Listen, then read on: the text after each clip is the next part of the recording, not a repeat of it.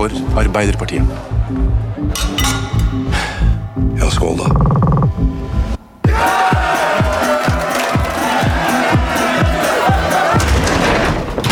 Hva er det du vil? Du skal på jobb i morgen tidlig, Oddvar. Det er viktig. Du må slutte å være så herselig flink hele tida. Nå må du ta ansvar. Du må sørge for at disse to mannfolka drar i samme retning. Partiet først. Reiulf Steen kanskje har lekket regjeringshemmeligheter til en møbelhandler på Jessheim, skal vi ikke gjøre noe? Dramaserier om viktige faser av norsk historie er ikke lenger hva de var. Det kan man trygt fastslå etter å ha sett NRK-serien Makta. For her møter vi legender som Einar Gerhardsen, Gro Harlem Brundtland og Reiulf Steen på måter du ikke kan tro før du har sett det. Som f.eks. under en valgkampfest på toget til Lillehammer, der trauste Oddvar Nordli bryter ut i dans til intet mindre enn doktor Eriks 'Det eneste jeg vil er å ha det fett'. Dersom man kan høre Håkon Lie snu seg i grava. Forfattere og serieskapere Kristin Grue, Johan Fasting og Silje Storstein. Hva er det dere har gjort, altså, og forbereder dere nå på litt bråk? Når dere har på en måte gått løs på arbeiderbevegelsens storheter på en ganske uortodoks måte? Ja, altså få Håkon Lie til å snu seg i grava må jo sies å være et, mange som har det som mål opp igjennom. Så det er mange som vil klappe oss på skuldra hvis vi får til det. Så det er jo i seg selv bare en liten gøyal utfordring å prøve å ta. Ja. Eh, altså, dette konseptet, dette programmet heter Den fjerde statsmakt, og vi skal nå snakke om hva skal vi kalle det? Den første statsmakt, men da i form av løgn og delvis forbannet dikt. Eller hva er det dere skriver? Altså, det er en historie basert på sannhet, løgn og dårlig hukommelse. Og, og det kan man jo trygt fastslå at det er. Ja, det er det absolutt. Ja. Og det prøver vi å ikke legge skjul på heller, da. Underveis i, i serien. Mm. Men vi har jo lest vanvittig mye ting, og så har vi eh, Legger ikke skjul på at det er vårt blikk på det vi har lest, da. Nettopp. Fordi når jeg ser dette dramaet så utspille seg, så jeg gjenkjenner jo skikkelser, hendelser altså Det er jo ikke sånn at dere skriver om den politiske historien, på sett og vis, men dere går inn i uh, de små bakrommene og dikter litt friere, kan man vel si. Eh, Ja, men jeg tror også det er eh, Altså, eh, historien eh, Vi følger jo historien og disse historiske hendelsene.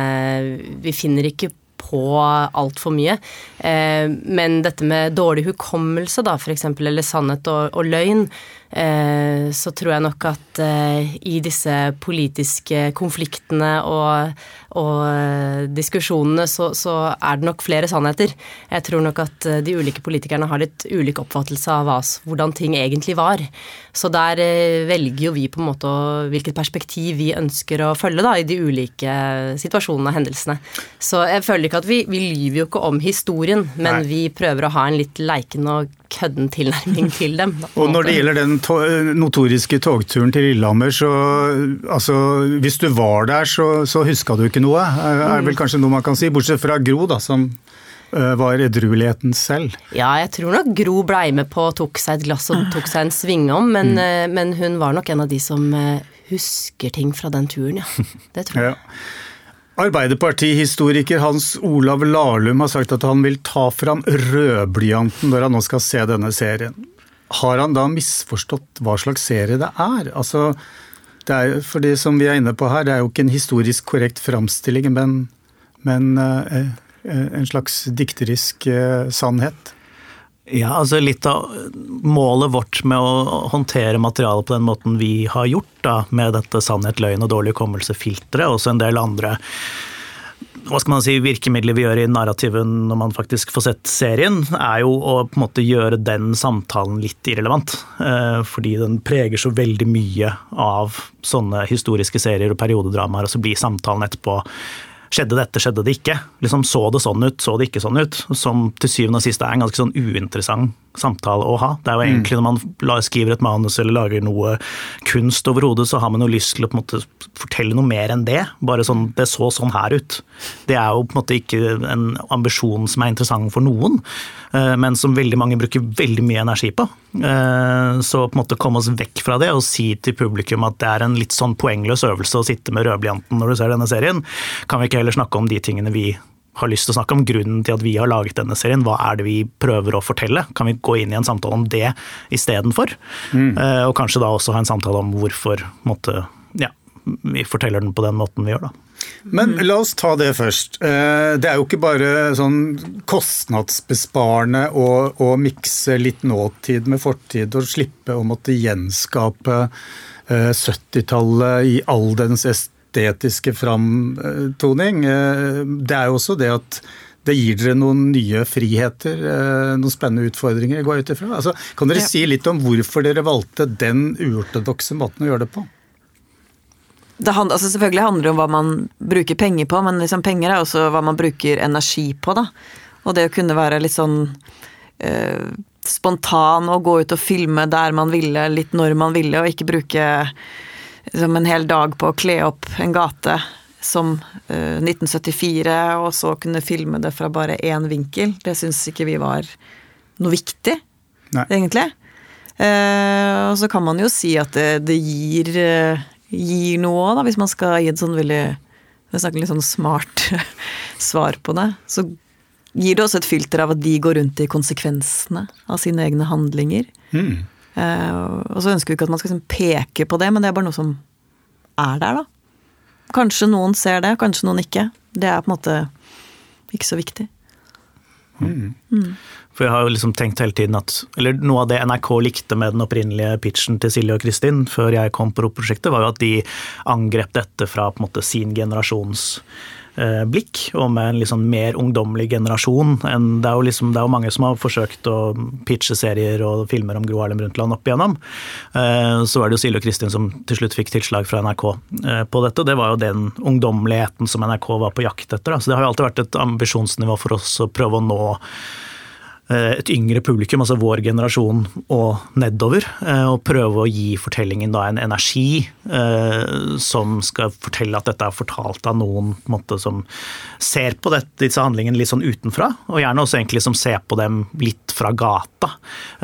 Så etter hvert som vi har snakket sammen, så landet vi jo på et liksom ganske sånn, det man kan kalle et anarkistisk konsept for serien, hvor det skal føles som at Husker det vi snakket med Yngvild og Jon Erling, konseptuerende regi og foto på serien om, var at det skal føles som at eh, noen av de anarkistiske redaktørene i Gateavisa som holdt på på den tiden, eh, la oss si de har funnet et kamera i søpla og bestemt seg for å lage en tolv timer TV-drama om Arbeiderpartiet. Hvordan hadde den serien sett ut? på en måte? Eh, og Det er liksom en sånn retning vi har brukt. Da, og da får, legger det en del føringer på hvordan man løser ting og hva man bruker penger på. Det er jo fortsatt en ganske dyr serie, men det er jo helt sinnssykt dyrt å lage TV-serie. Mm. Så med så mange skuespillere som vi har lyst til å ha i rommet til enhver tid, ikke sant? så må du ende opp med å prioritere hva du har lyst til å bruke pengene på. og Vi har lyst til å bruke de på mm, ja, skuespillerne i hovedsak. Da, og gi dem de, de, manusene og de rommene de trenger for å kunne ha energi og måtte kommunisere denne historien på en underholdende og engasjert måte ut til publikum. Da. Ja, og Så er det vel kanskje et slags endelig farvel, eller det farvelet har de vel tatt for lengst, men for NRK sin del, som lenge ble beskyldt for å være Arbeiderpartiets eh, rikskringkasting, at de liksom eh, begraver det konseptet ved å rett og slett skape en anarkistisk fortelling eh, om om Arbeiderpartiet. Det kan vel slå litt begge veier. For de får jo, de får jo fokus også. Mm -hmm. Og jeg kan tenke at det kommer en del klager på de som kanskje ikke gidder å se det, men som bare ser at NRK viser en serie om Gro Harlem Brundtland. Mm. Mm. Og, ja, jeg vet ikke. Nei, eh, noen av oss husker jo Håkon Lie, de som er på min alder, eh, som sa til var det til Einar Gerhardsen, han sa at 'jeg skal knuse deg som ei lus'. Eh, nå er det ingen av de, altså, eh, Den senere generasjonen som vi her får møte altså Vi møter riktignok Einar Gerhardsen, men han er på en måte en bakspiller som er ute av det politiske liv. Men, men uh, Reiulf Steen, Gro Harlem Brundtland, uh, alle disse aktørene i den generasjonen er jo langt mer sivilisert i sin måte å, å, snakke på, i det minste. Og, og, men likevel, det er noe sånn det er liksom shakespearske dimensjoner over intrigene. Og, og jeg er nysgjerrig på, altså eh, Kristin og Silje, hva, hva kom først? Altså Var det det å portrettere Gro Harlem Brundtland, som jo er en formidabel skikkelse i norsk politisk historie, eller var det selve epoken, alle disse intrigene? Det starta jo med Gro. En, en nysgjerrighet på henne. Um, hvordan var den reisen uh, på den tida at hun faktisk var en av de første kvinnelige statslederne i verden? Uh, det var jo der det på en måte starta. Og så, da når vi begynte liksom å dykke ned i materialet så, Og vi, vi er født på midten av 80-tallet, og vi eh, Reiulf Steen og Oddvar Nordli er jo ikke mm, som mennesker som jeg kjente så veldig godt til. Så plutselig så åpnet det seg opp denne du pleier å kalle det en slags sånn godte, godteskål, bare med alle disse ja, med disse intrigene. Mm. Ikke minst selvfølgelig når denne edderkoppen dukket opp plutselig, når vi begynte å oppdaget han.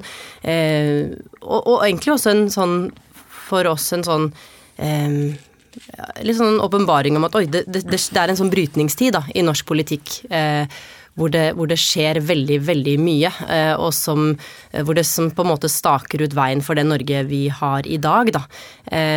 Så det gikk jo fra en nysgjerrighet på Gro til mm. mer en nysgjerrighet på, på, partiet, eller på tida, da. Ja. Og der tror jeg det var bra vi ikke visste noe fra før, for da fikk vi en ganske sånn umiddelbar, barnslig nysgjerrighet på alle disse mm. tingene som vi ikke visste noe om, ikke sant, og fikk den, den inngangen. Og da jeg husker at vi sa noen ganger åh, det var deilig om vi hadde noen til å hjelpe oss med den researchen, det er så utrolig mye. Men, men så skjønte man jo etter hvert at det er veldig viktig at det er vi som gjør det. Mm. For det er vårt blikk på det. Ting vi ler av som kanskje ikke en annen hvis det var en, en som levde på den tida, visste det fra før, kanskje ikke syntes det var noe morsomt i det hele tatt. Nei, eh, altså møbelhandler Engen, eh, som noen av oss husker fra avisoverskriftene den gangen, er jo en, en, en, formidabel comic relief i denne serien. Og han var nok ikke det den gangen, han var vel mer en, en pest og en plage for mange.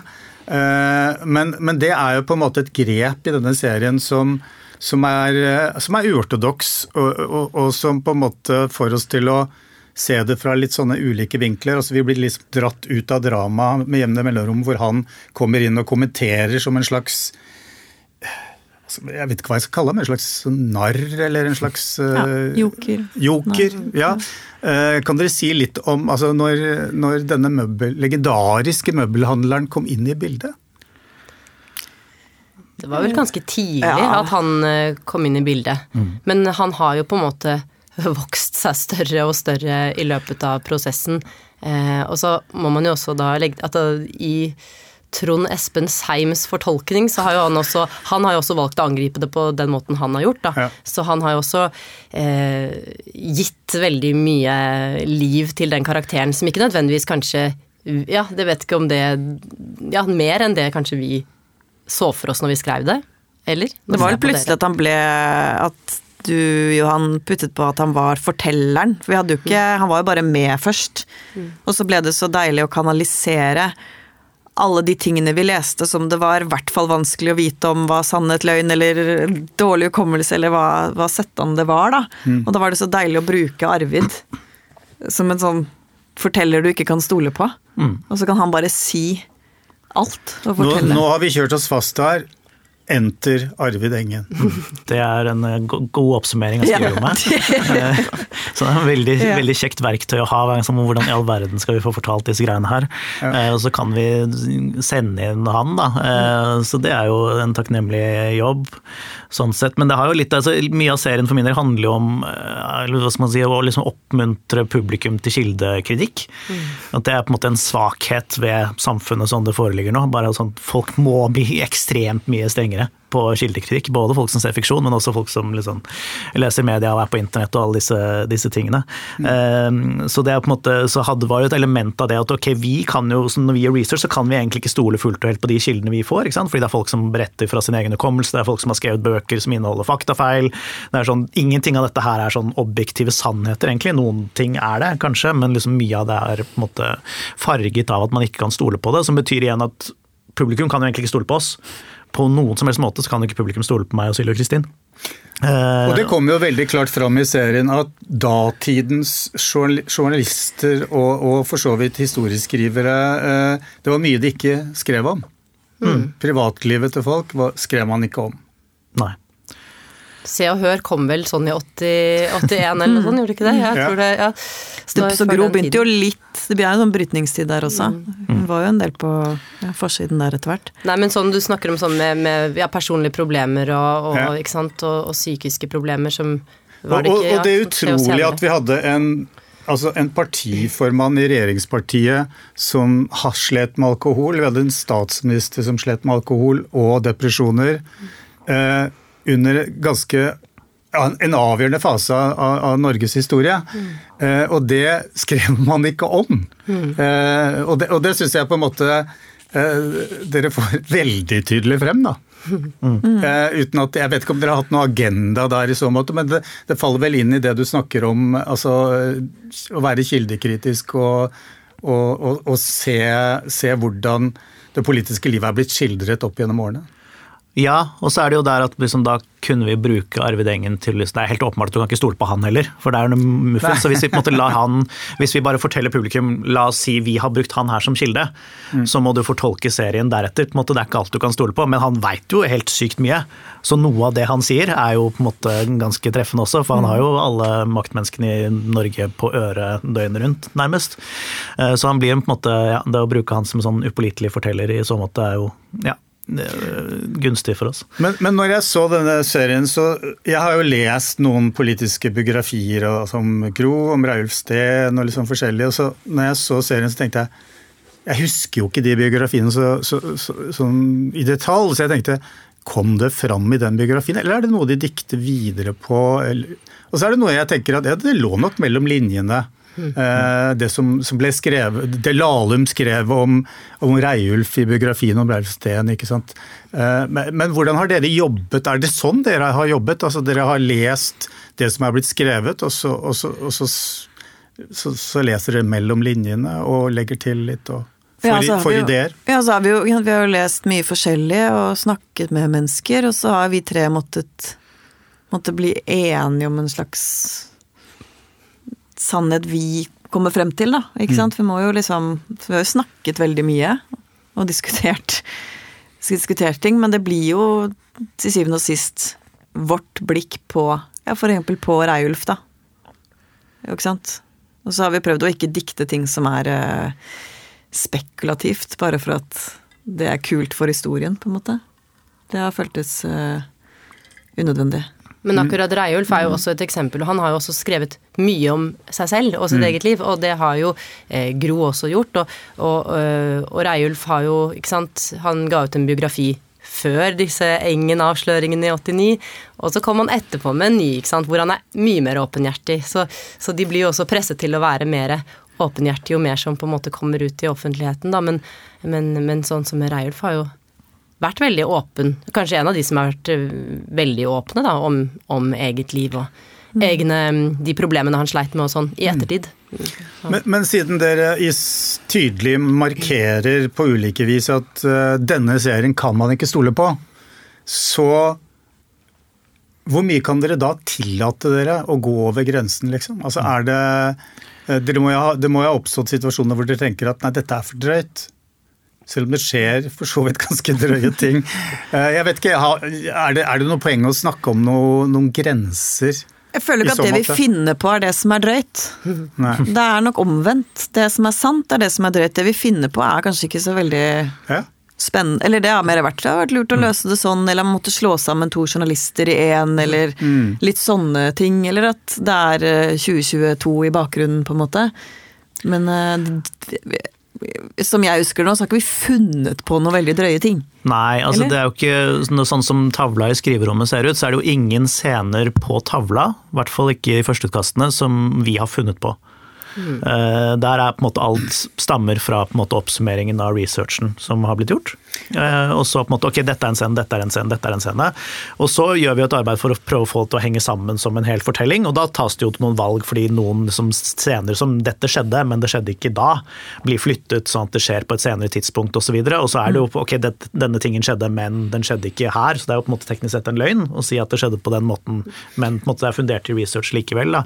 Og i det arbeidet så dukker det opp noen sånne scener imellom bare for å komme oss fra det ene til det andre, som er løgn, men det er på en måte ofte de liksom kjedelige kjedelige scenene som er, er løgnen da, i det Jeg vet ikke om jeg kjøper helt det dere sier, men eh, ok, jeg skjønner hva dere mener. Hva er Kan dere ikke stole på oss. Nei, altså, det, dere finner jo på litt drøye ting, det, det, det kan vi vel også si, men eh, Hva, hva, men da tenker du? tenker du Hva? på? Men det var kanskje, kanskje vi skal skylde på regissøren at man lar eh, Oddvar Nordli danse til Dr. Erik, f.eks. Mm. Ja, ja, sånn, ja. ja ikke sant. Ja, men at Ja, han danset det- var jo ikke på en måte Så da er ikke da løgnen at det er doktor Erik, da, men at han var fullt Altså det var full party og full fest og Ja, dro den helt ut. flisespikkeri fra min side. Ja, det er det, fra men, det, men, da er ja, det men det er jo da skrudd opp i satirens navn, så det er den neste delen av jobben når vi faktisk skriver manusene. Sånn, ok, hvordan behandler vi denne scenen her? Også i satirens navn kan vi på en måte skru opp humoren i dette for å på en måte komme med et eller annet humoristisk eller tematisk poeng, så gjør vi jo det. Da blir jo veldig mye av disse tingene satt på, på spissen, mm. når vi liksom faktisk forvalter disse scenene om til, eh, til filmen. film. Han satt jo egentlig med en gitar.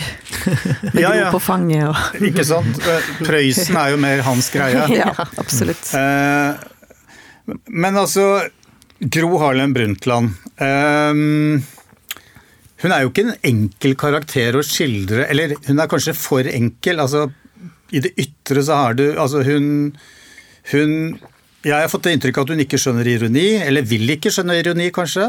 Og hun, hun flørter ikke, er veldig tydelig i kommunikasjonen, så det er liksom ikke så mye undertekst, kanskje. Eh, altså, hvordan hvordan, eh, hvordan har dere grepet an det?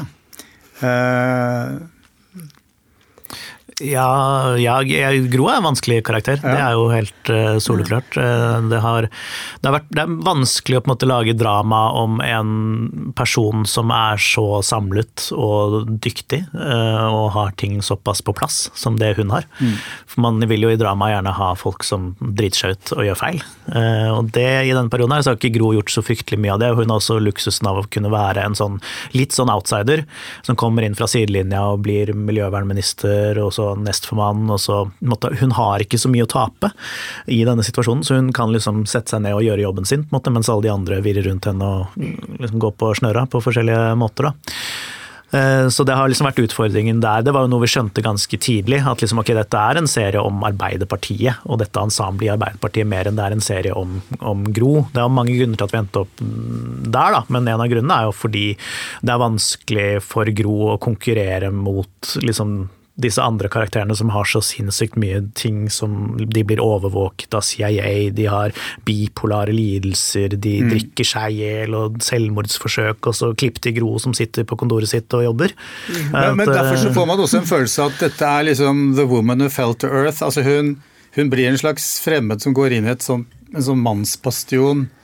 Og dermed så fungerer det jo aldeles glimrende. Altså, fordi hun har dette koret av masse Så mye håpløse mannfolk, egentlig. Eh, dyktige politikere, men håpløse på, håpløse på andre måter.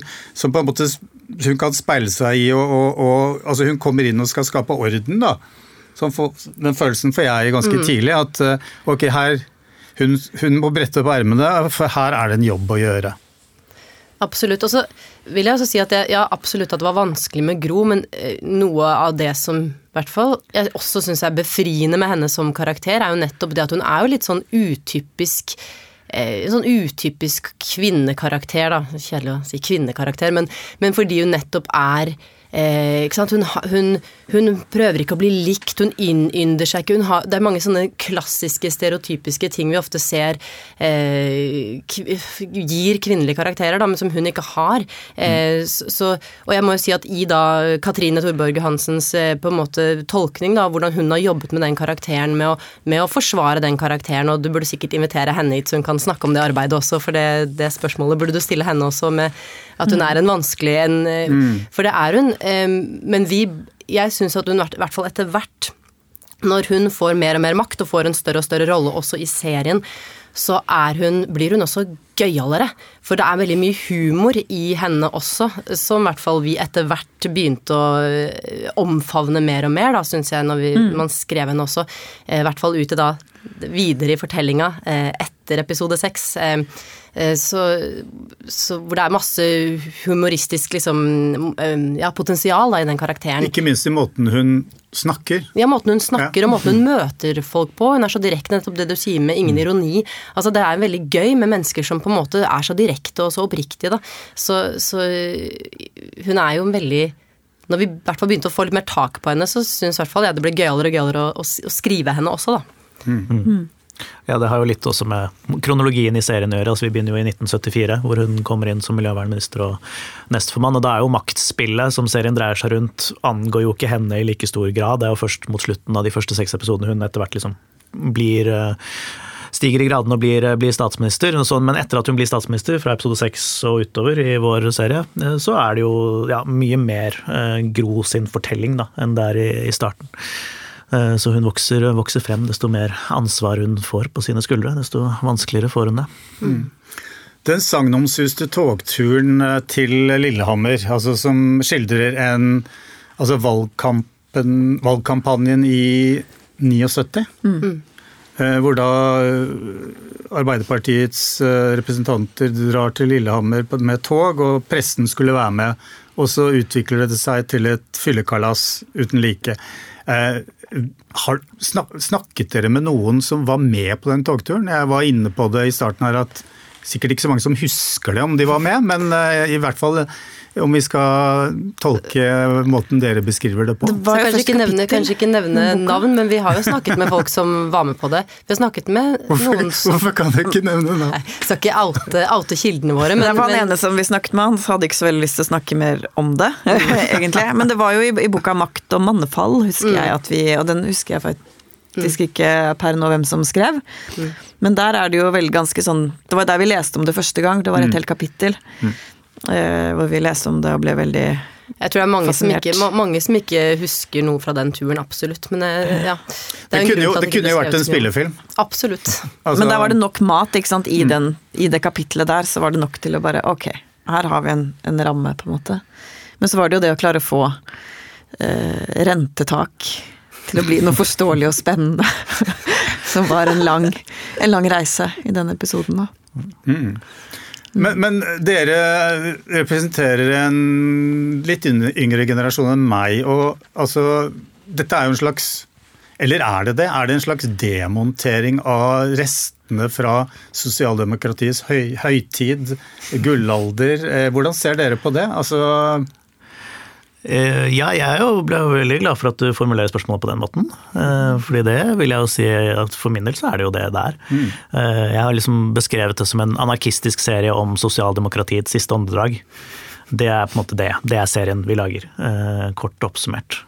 Og så er det jo mange, mange verktøy man bruker for å komme frem til en eller annen fortelling om det. Men det er liksom det er, jo, det er på en måte en historie om et liksom skille i norsk historie da, og norsk politikk, altså overgangen fra 70-tallet til 80-tallet. Hvor på en måte nå, nå, er det Høyre som tar over. Eh, enten det er høyresiden i Arbeiderpartiet eller høyresiden i norsk politikk, du kan velge selv, men det er de som tar over og det er de som styrer eh, herfra ut. Og da er det på en måte et eller annet som har skjedd. En, måte, en prosess som foregår i løpet av våre tolv episoder, da, som ender opp med at eh, ja, jeg vil si høyresiden vinner den politiske kampen, og det blir aldri det samme igjen. Mm. Eh. Og det er vel egentlig ikke så enkelt som at uh, Gro Harlem Brundtland rider inn som en hvit ridder og redder partiet. Uh, altså Noen vil jo mene at hun dro partiet inn altså i, i en høyere retning, mm. og, og, og, og, siden på en måte har Arbeiderpartiet ikke greid å finne igjen seg selv? er det mange som mener i dag. Da. Altså den, den diskusjonen, de diskusjonene de har om partiets sjel, de fortsetter jo den dag i dag å, mm. å hjemsøke partiet fortsatt. Ja, Det var jo veldig påfallende når man eh, gravde seg ned i dette materialet, at det var følte at det var de, Man snakket om partiet på samme måte. Nesten at de var i en slags identitetskrise allerede da, som de på mange måter fortsatt står i nå. Da. Mm. Så, så, det er en 40 år lang identitet Ja, lang, lang, lang krise. Men som med Gro, at Gro ikke bare er kvinne, men eh, en akademiker som kommer inn på toppen også. Ja. Ikke sant? Så det har jo forplantet seg også videre. Det virker som at den krisa ligger litt i det også. Bare helt sånn basis. Hvem er vi, og hva står vi for? Og Oddvar Nordli var kanskje en av de virkelig siste eksponentene for altså arbeiderbevegelsen som var, hadde dype røtter i arbeiderkultur. da. Og det er det vel få som har i dag. altså Bortsett fra kanskje Raimond, som var rørlegger opprinnelig, og ja, noen få andre kanskje. Eh, Men dette er jo også noe av den nostalgien dere spiller på også i, i, i serien. Altså det at arbeiderkulturen på en måte er, er noe fra hine dager som eh, Arbeiderpartiet på en måte ikke er så mye i befatning med lenger. De fleste i dag er jo Velgerne deres er jo velutdanna. Absolutt. Ja, det, var, det er jo et helt åpenbart skifte som har skjedd der. Så er det jo ikke sikkert, det er jo ikke alle som mener at det er negativt. på en måte. Altså, det er jo de som mener at Gro reddet Arbeiderpartiet, for hun moderniserte det og liksom klarte å holde det i live i en tid hvor det Så hvis ikke hun hadde kommet inn rundt på, så hadde det jo gått virkelig skeis. Da hadde jo det som på en måte skjer nå, skjedd for 40 år siden istedenfor. Mm. Så det er jo på en måte mm, ja, øyet som ser hvordan man velger å tolke tolke disse hendelsene. Men det er i hvert fall et tydelig, ubestridelig vil jeg si, vannskille at det er liksom okay, etter, etter dette her så er det ting som forandrer seg, som ikke, ikke blir som de var som før. Så det er ikke et stykke sorgarbeid for noen av dere på vegne av eh, Arbeiderpartiet og arbeiderbevegelsen? For meg er det det, men Ja. jeg kan bare svare for meg selv. Ja, ja, nettopp. Ja, det er jo, man, man merker jo når man Når Reiulf får virkelig snakke om på en måte dette det, det brennende, altså det visjonære, eller den idealismen da, som, han, mm. som han representerte i partiet, det, det er jo en eh, Ja, det er absolutt en sorg, ja, at det, det ikke fins på samme måte lenger. Og så må jeg jo spørre om det. Altså Det drikkes mye i denne serien. Det drikkes uhorvelig mye til tider. Eh, og det er jo ikke noe hemmelighet det at det, det var mange som drakk mye i, eh, i eh, Arbeiderpartiet og nedover i organisasjonen. Eh, Det var en del av Altså Siden har vi jo på en måte fått vite mer om det gjennom ikke sant, Giske-saken og drikkekulturen i Arbeiderpartiet Trondheim. Altså, det er mange historier. Er dere forberedt på reaksjoner? Eh, altså, de, de fleste her, eh, bortsett fra Gro, er jo ma Mange er gått bort. Eh, de har etterkommere som eh, kanskje vil reagere litt. Jeg tenker jo at vi prøver å angripe det litt sånn ordentlig også, da. For det er jo ganske alvorlig. Ja. Og sånn som med Reiulf også, som ikke man har ikke et språk helt for å ta tak i det og få hjelp. Ikke sant? Vi har jo scener hvor han prøver å liksom holde seg i skinnet og ikke gjøre det, og så blir han møtt av, av Førde som syns han er eh, kjedelig og ikke sant? drit i det og kom igjen og, og litt sånn når det står en mann som åpenbart uh, har eh, alvorlige problemer, da. Um, Og, og, og, og Oddvar Nordli som hadde, altså hadde virkelig altså psykiske heavy psykiske utfordringer gjennom det man kaller, kalte den gangen for Hva er det man kalte det? Selvmordshodepiner. Selvmordshodepiner, ja. Ja, det er jo noen Hortens syn, ja, Eh, ikke sant? ja. Og, og, og det eneste man kunne bøte på med var alkohol. Det var liksom det som var løsningen. Mm. Eh, og det er jo ganske utrolig å tenke på i dag, men, eh, og det er ikke så lenge siden heller. Nei. Nei, så var vel ikke psykiske problemer, kanskje spesielt for menn, noe man snakket om så mye på den tiden heller, da. Så, det jo, så jeg føler jo at vi Det blir jo Det kan godt hende det blir noen reaksjoner på all drikkinga i partiet, men jeg, jeg føler ikke at vi er så la, eller, eh, langt fra sannheten heller, da. Ref det toget da, som du snakket om, som ingen, ingen husker noe av. Um, så var det nok en kultur hvor det var eh, Ja, og den er der vel fremdeles, og derfor føles det litt sånn viktig også. Det har vært så mye oppslag i media nå om, om ungdomspolitikere ungdomspolitikere som sier at det er et problem. At det er sånn og sånn og sånn. Og da tenker jeg at eh, da får det komme de reaksjonene de vil, men det, jeg tror vi treffer en nerve. Eh,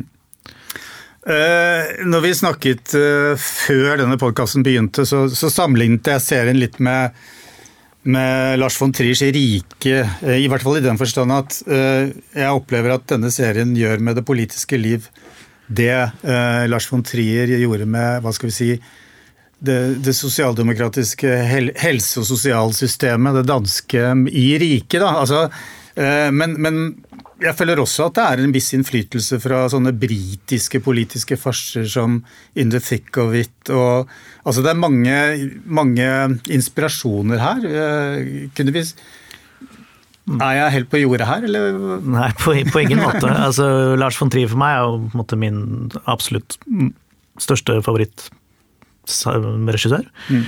Så han er jo, har alltid vært en liksom, ligget i bakkant her, og vi har snakket en del om han underveis også. Og hatt han som referanse. Rige har vært en referanse, men også med klipperne og snakket om idiotene og sånn. For mm. eksempel altså Dogmefilmen da, hadde jo et sånt anarkistisk tilsnitt ved seg. på en måte, at vet du hva, fuck dette systemet og alle reglene for hvordan ting skal være. Nå lager vi noen sånne regler som går i opposisjon til de vante reglene, på en måte.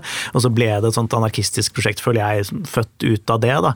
Eh, så de filmene har vært eh, ganske sånn i måten å tenke på innflytelsesrike for oss, men så er det også liksom i det moderne TV-landskapet, som du sier Armando Janucci sine ting, da, fra It også til Veep, og ut av Veep så kom jo også Jesse Armstrong, eh, som etter hvert lager uh, Succession. Ikke sant? Så det er inne i det derre den um, det der satirelandskapet der er det jo ting som vi selvfølgelig har sett og åpenbart liksom bygger videre på. Da. I tillegg så har du Adam Mackay som har laget sånn The Big Short og Vice, som er jo tar for seg sånne halvveis kontemporære eh, politiske hendelser og på en måte prøver å formidle dem på en fri og underholdende måte da, til et ganske stort publikum. Eh, og egentlig frir seg fra en del av liksom, ideen om hvordan en sånn film skal lages, bare for å på en måte kunne kommunisere det, det man vil. da. Mm. Så innenfor de Der er det jo mye ting som vi har bygget videre på. Mm. Ja, det og så har vi også jeg tror vi også har snakka mye om teater, egentlig. Mm. Og det er jo litt det der med i forhold til vi har disse grepene hvor man på en måte, ja, som er jo helt vanlig på teater. Brestianske, ja, ja, ja absolutt. Det har, men det har vi jo. Vi kommer jo fra teater egentlig alle tre på, ja. eller på ulike måter, men det har vært en uh, inspirasjon. Og så vil jeg også si at uh, på mange måter når du nevnte Gateavisa i sted, jeg tror det også har liksom ligget der litt. At det har også vært noe man har mm. eh, kommet tilbake til i løpet av liksom research og sånn, at eh, den sånn derre køddende måten å angripe og, ja, makta på, eh, som de gjør, den eh, har alltid ligget der som en inspirasjon. Mm. Ja, når man lager TV-serier, så jobber man mye, mye med sånne regikonsepter og sånn. Så det ble på et tidspunkt veldig enkelt for oss å si litt sånn konseriens konsept her. Og så bare ga vi dem liksom Gateavisa, liksom oppsummeringsboka, en sånn tjukk, feit bok med alt av Gateavisa fra mm. 1970 til 1980 eller et eller annet. Bare sånn, dette, dette er serien vi, vi skal lage. Alt, alt er inni der. En annen uh, mulig innflytelse jeg bare kom på nå, er jo fordi jeg begynte å tenke på overvåking, var jo avlyttingen av Francis Ford Coppola. Uh, men, men altså, grunnen til at jeg tenker på det, er jo at dere tar, har noen fine grep i forhold til hvordan dere skildrer det faktum at Jungstorget var jo overvåka og avlyttet til de grader. Det var jo på en måte, har det vist seg senere Altså, det meste ble, ble avlyttet. Uh, og Eh, dere har noen fine grep hvor, bl.a. blant annet, uten at jeg skal spoile for mye, altså på statsministerens kontor, hvor det er en interessant bokhylle osv., som er inngangen til, til noe mer på et psykologisk plan. Da. Eh, men, men, kan dere si litt om hvordan dere angrep akkurat det der med, med det faktum at altså, det var en viss paranoia på Youngstorget, også som følge av, og som førte til en stor grad av eh, overvåkning og avlytting. Mm.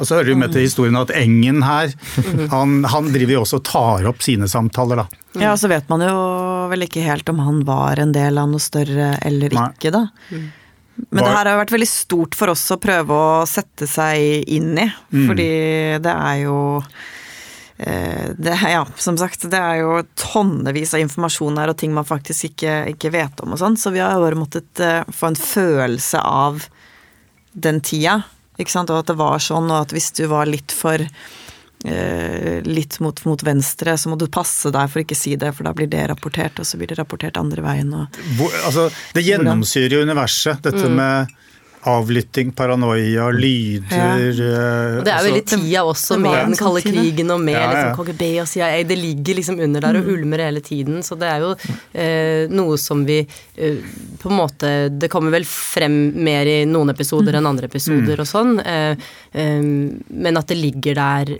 hele tiden, og som jeg tror i hvert fall, sånn som f.eks. for, for Reiulf Steen sin del, eh, at eh, det er noe som preger av at du, det, det, Hvis du fra før eh, sliter liksom psykisk og har så den vissheten om at eh, folk følger med på deg, da. Så det, det er jo absolutt noe vi har vært bevisst på og hatt med oss enten direkte eller litt sånn indirekte også eh, i universet. Ja, kunne egentlig gjerne hatt mye mer av det. Eh, Det var jo egentlig en plan å på en måte ja, hente inn mye mer av det overvåkningsperspektivet. Som er utfordringen er at liksom, kjernen av det skjer før vår tid, på en måte. Så vi liksom må jobbe oss rundt og gjøre et lite jukser oss inn med et flashback og sånn til Ronald Bye i gamle dager. eh, Og sånne ting. Mens den, hele historien om det overvåkningsapparatet og den tiden der er jo helt sinnssyk. på en måte. Det er jo en egen Så, film. Det er absolutt, Man kunne laget en egen serie om det, og det hadde Mm. vært utrolig gøy også. eh, Men det angår jo ikke Gro eh, i så stor grad. Eh, Hun blir jo ikke overvåket. Det angår Reiulf, så, så lenge Reiulf er i sentrum her, så er jo han en en måte, partiformann som blir overvåket av CIA, som jo er fascinerende nok. Og i seg selv. Gro ble støttet, at jeg heia veldig på, Ja, på Gro, eller eh, ikke? Altså man eh, Så er det jo mer ting man kunne gått inn på. Einar Førde ble også overvåket av CIA. måte. Det er noe vi liksom så vidt er inne på i en episode seinere. Men det, hele- det er jo liksom Hvordan er det å liksom gå rundt liksom, når Reiulf som partiformann vet det, at liksom der, de driver og følger med på meg, og nå skal jeg dra til Moskva for å diskutere Nato. og så liksom bare sånn Det er en sinnssykt vanskelig situasjon å være i, da, i hvert fall når han allerede har liksom mentale helseproblemer og alt. Ja, Du nevnte Einar Førde. og det er jo et annet eh, interessant trekk ved serien, er jo hvordan man har castet rollene. Altså, eh, Nader Kademi spiller Einar Førde. Selvfølgelig, kan man si, når man ser det. Naturligste ting i verden.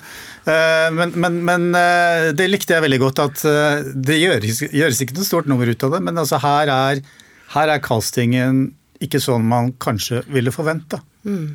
Eh, var, var det noe dere tenkte ut, eller var det rett og slett eh, regissøren som Det var vel noe vi, vi alle Vi snakket jo Ja. om det, men også at man eh, Jeg tror at hvis du skal lage en serie om Arbeiderpartiet på 70-tallet, så, så er det jo Det blir jo en veldig homogen gruppe du eventuelt caster, da, så vi var veldig tidlig opptatt av at vi syns om, om man også eh, Muligheten for oss til å ta inn skuespillere som Eller gode skuespillere som har den helt riktige energien. Eller at du, du begrenser hvem du kan ha med i serien, hvis det alle skulle ligne på en prikk. Ja. Eh, så det var eh, og, det var, og jeg oppfatter ikke det som at dere skulle være politisk korrekte, men, men at, at det handler om det aspektet med å la vår tid speile også den fortiden, ikke sant? Ja, sånn som med Nader så var det vel at uh, måten han eh, er litt sånn køddete og kjapp i kjeften på, eh, funka som vår liksom, følelse av Førde i Arbeiderpartiet på den tida. Ja. Og det var mer riktig enn en som klarte den dialekten uh, strålende og hadde riktige krøller. Ja. Den eneste egentlig hva skal vi si, imitasjonen Det er veldig få av skuespillerne som imiterer. Eh, det er jo selvfølgelig Thorvald Stoltenberg-skikkelsen, som er en slags imitasjon. Men ellers så er den ganske fri for det, da. Hele serien, syns jeg. Ja, altså, ja, Skuespillerne har jo fått mye frihet til å tolke det slik som de selv vil. Mm. Måtte, så Igjen å prøve å lage en anarkistisk serie, så er det sånn ja, men dere, dere er frie. Dere er frie mennesker, hva har dere lyst til å gjøre? Eh, så er det jo, får man jo alle, alle liksom eh, bud i retur, da, og så har vi prøvd ok, har vi skapt et univers som kan romme alle disse fortolkningsmulighetene, som jo er målet vårt. altså får noen andre vurdere om det funker eller ikke. Men poenget er jo at det er jo ikke eller det er jo ikke et poeng at de skal ligne. Det ville vært absurd at liksom Reilf Steen går forbi operaen på Bjørvika, og så er alle karakterene liksom ligner 100% Hvorfor skal det være et poeng når det åpenbart ikke er et poeng et annet sted? At det blir en sånn arbitrær øvelse. og liksom Her skal det være veldig viktig, og her er det ikke viktig. Eh, Så på en måte ikke ha så strenge rammer på når ting skal være helt likt og når det ikke skal være det. At vi heller bare bruker det når vi føler at det er noe vi har bruk for. Eh, som, som med Gro, for eksempel, så har vi jo bruk for at hun ligner. Fordi noen ganger skal vi klippe rett fra arkivmaterialet til eh, virkeligheten. Da er det litt sånn gunstig at det er sånn cirka likt. Og også måten hun snakker på er jo noe de mennene rundt henne opplever som irriterende og slitsomt, og det er jo noe hun får problemer med i media etter hvert. Når hun blir statsminister, så er det et problem, egentlig, måten Gro snakker på. Så da er det jo, liksom, da er det jo mm. dramaturgisk riktig for oss at vi har med det aspektet ved hennes karakter i serien, og derfor liksom det, kan, kan Katrine liksom tilnærme seg den måten å snakke på i større grad enn med Førde, som vi skal aldri se Førde på noe arkivmateriale eller noe som helst. Det har ikke noe, har ikke noe å si. Så da liksom, kan vi liksom stå litt, litt friere, da. Så man tar bare liksom sånn enkeltvurderinger underveis på mm. hva man har lyst til å gjøre og hva man har behov for. Mm. Det gjenstår da seks episoder. Eh, altså, jeg har sett seks episoder, og så er det seks som gjenstår av første sesong. Eh, er dette noe som kan trekkes lengre enn det? Uh, altså Klart det kan, det kan jo trekkes, ja. men altså, det kan jo det. Nå har vi på en måte avsluttet dette her nå, da. Men altså, herregud, der kan man jo gå tilbake i tid, langt fram i tid. Det er ja. jo, Man kan jo Men la meg nøye meg med første sesongen, da, siden det er den vi har. Eh, altså de seks neste episodene Altså konklusjonen på de første seks episodene var jo da at Gro blir kronet til statsminister, og det slutter der. Og det er jo noe alle vet, eh, så det er jo ikke noe spoiler i det hele tatt. Men, men eh, hva, hva, hvor langt frem går dere eh, til, til aller siste episode?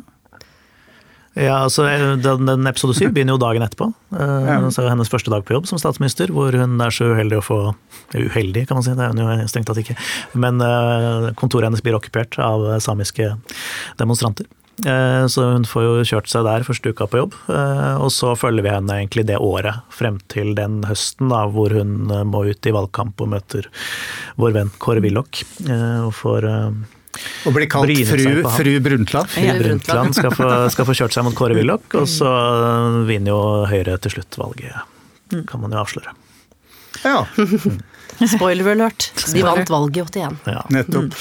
Ja, nei, men jeg, jeg, forventer kanskje ikke at du skal fortelle så mye mer om uh, de seks siste. Nei, spør du meg, så er jo ja, men da er vi ferdig, da. That's it. Ja, vi, men vet dere hva? Jeg er veldig fornøyd. Kristin, Johan, Silje. Takk for at dere ble med eh, i denne utgaven av Den femte statsmakt for å snakke om det man kanskje kaller den første statsmakt. Og den har premiere, serien, jeg glemte jo det, det er 31. 29. Søndag 29. 29. oktober. Mm. Nettopp.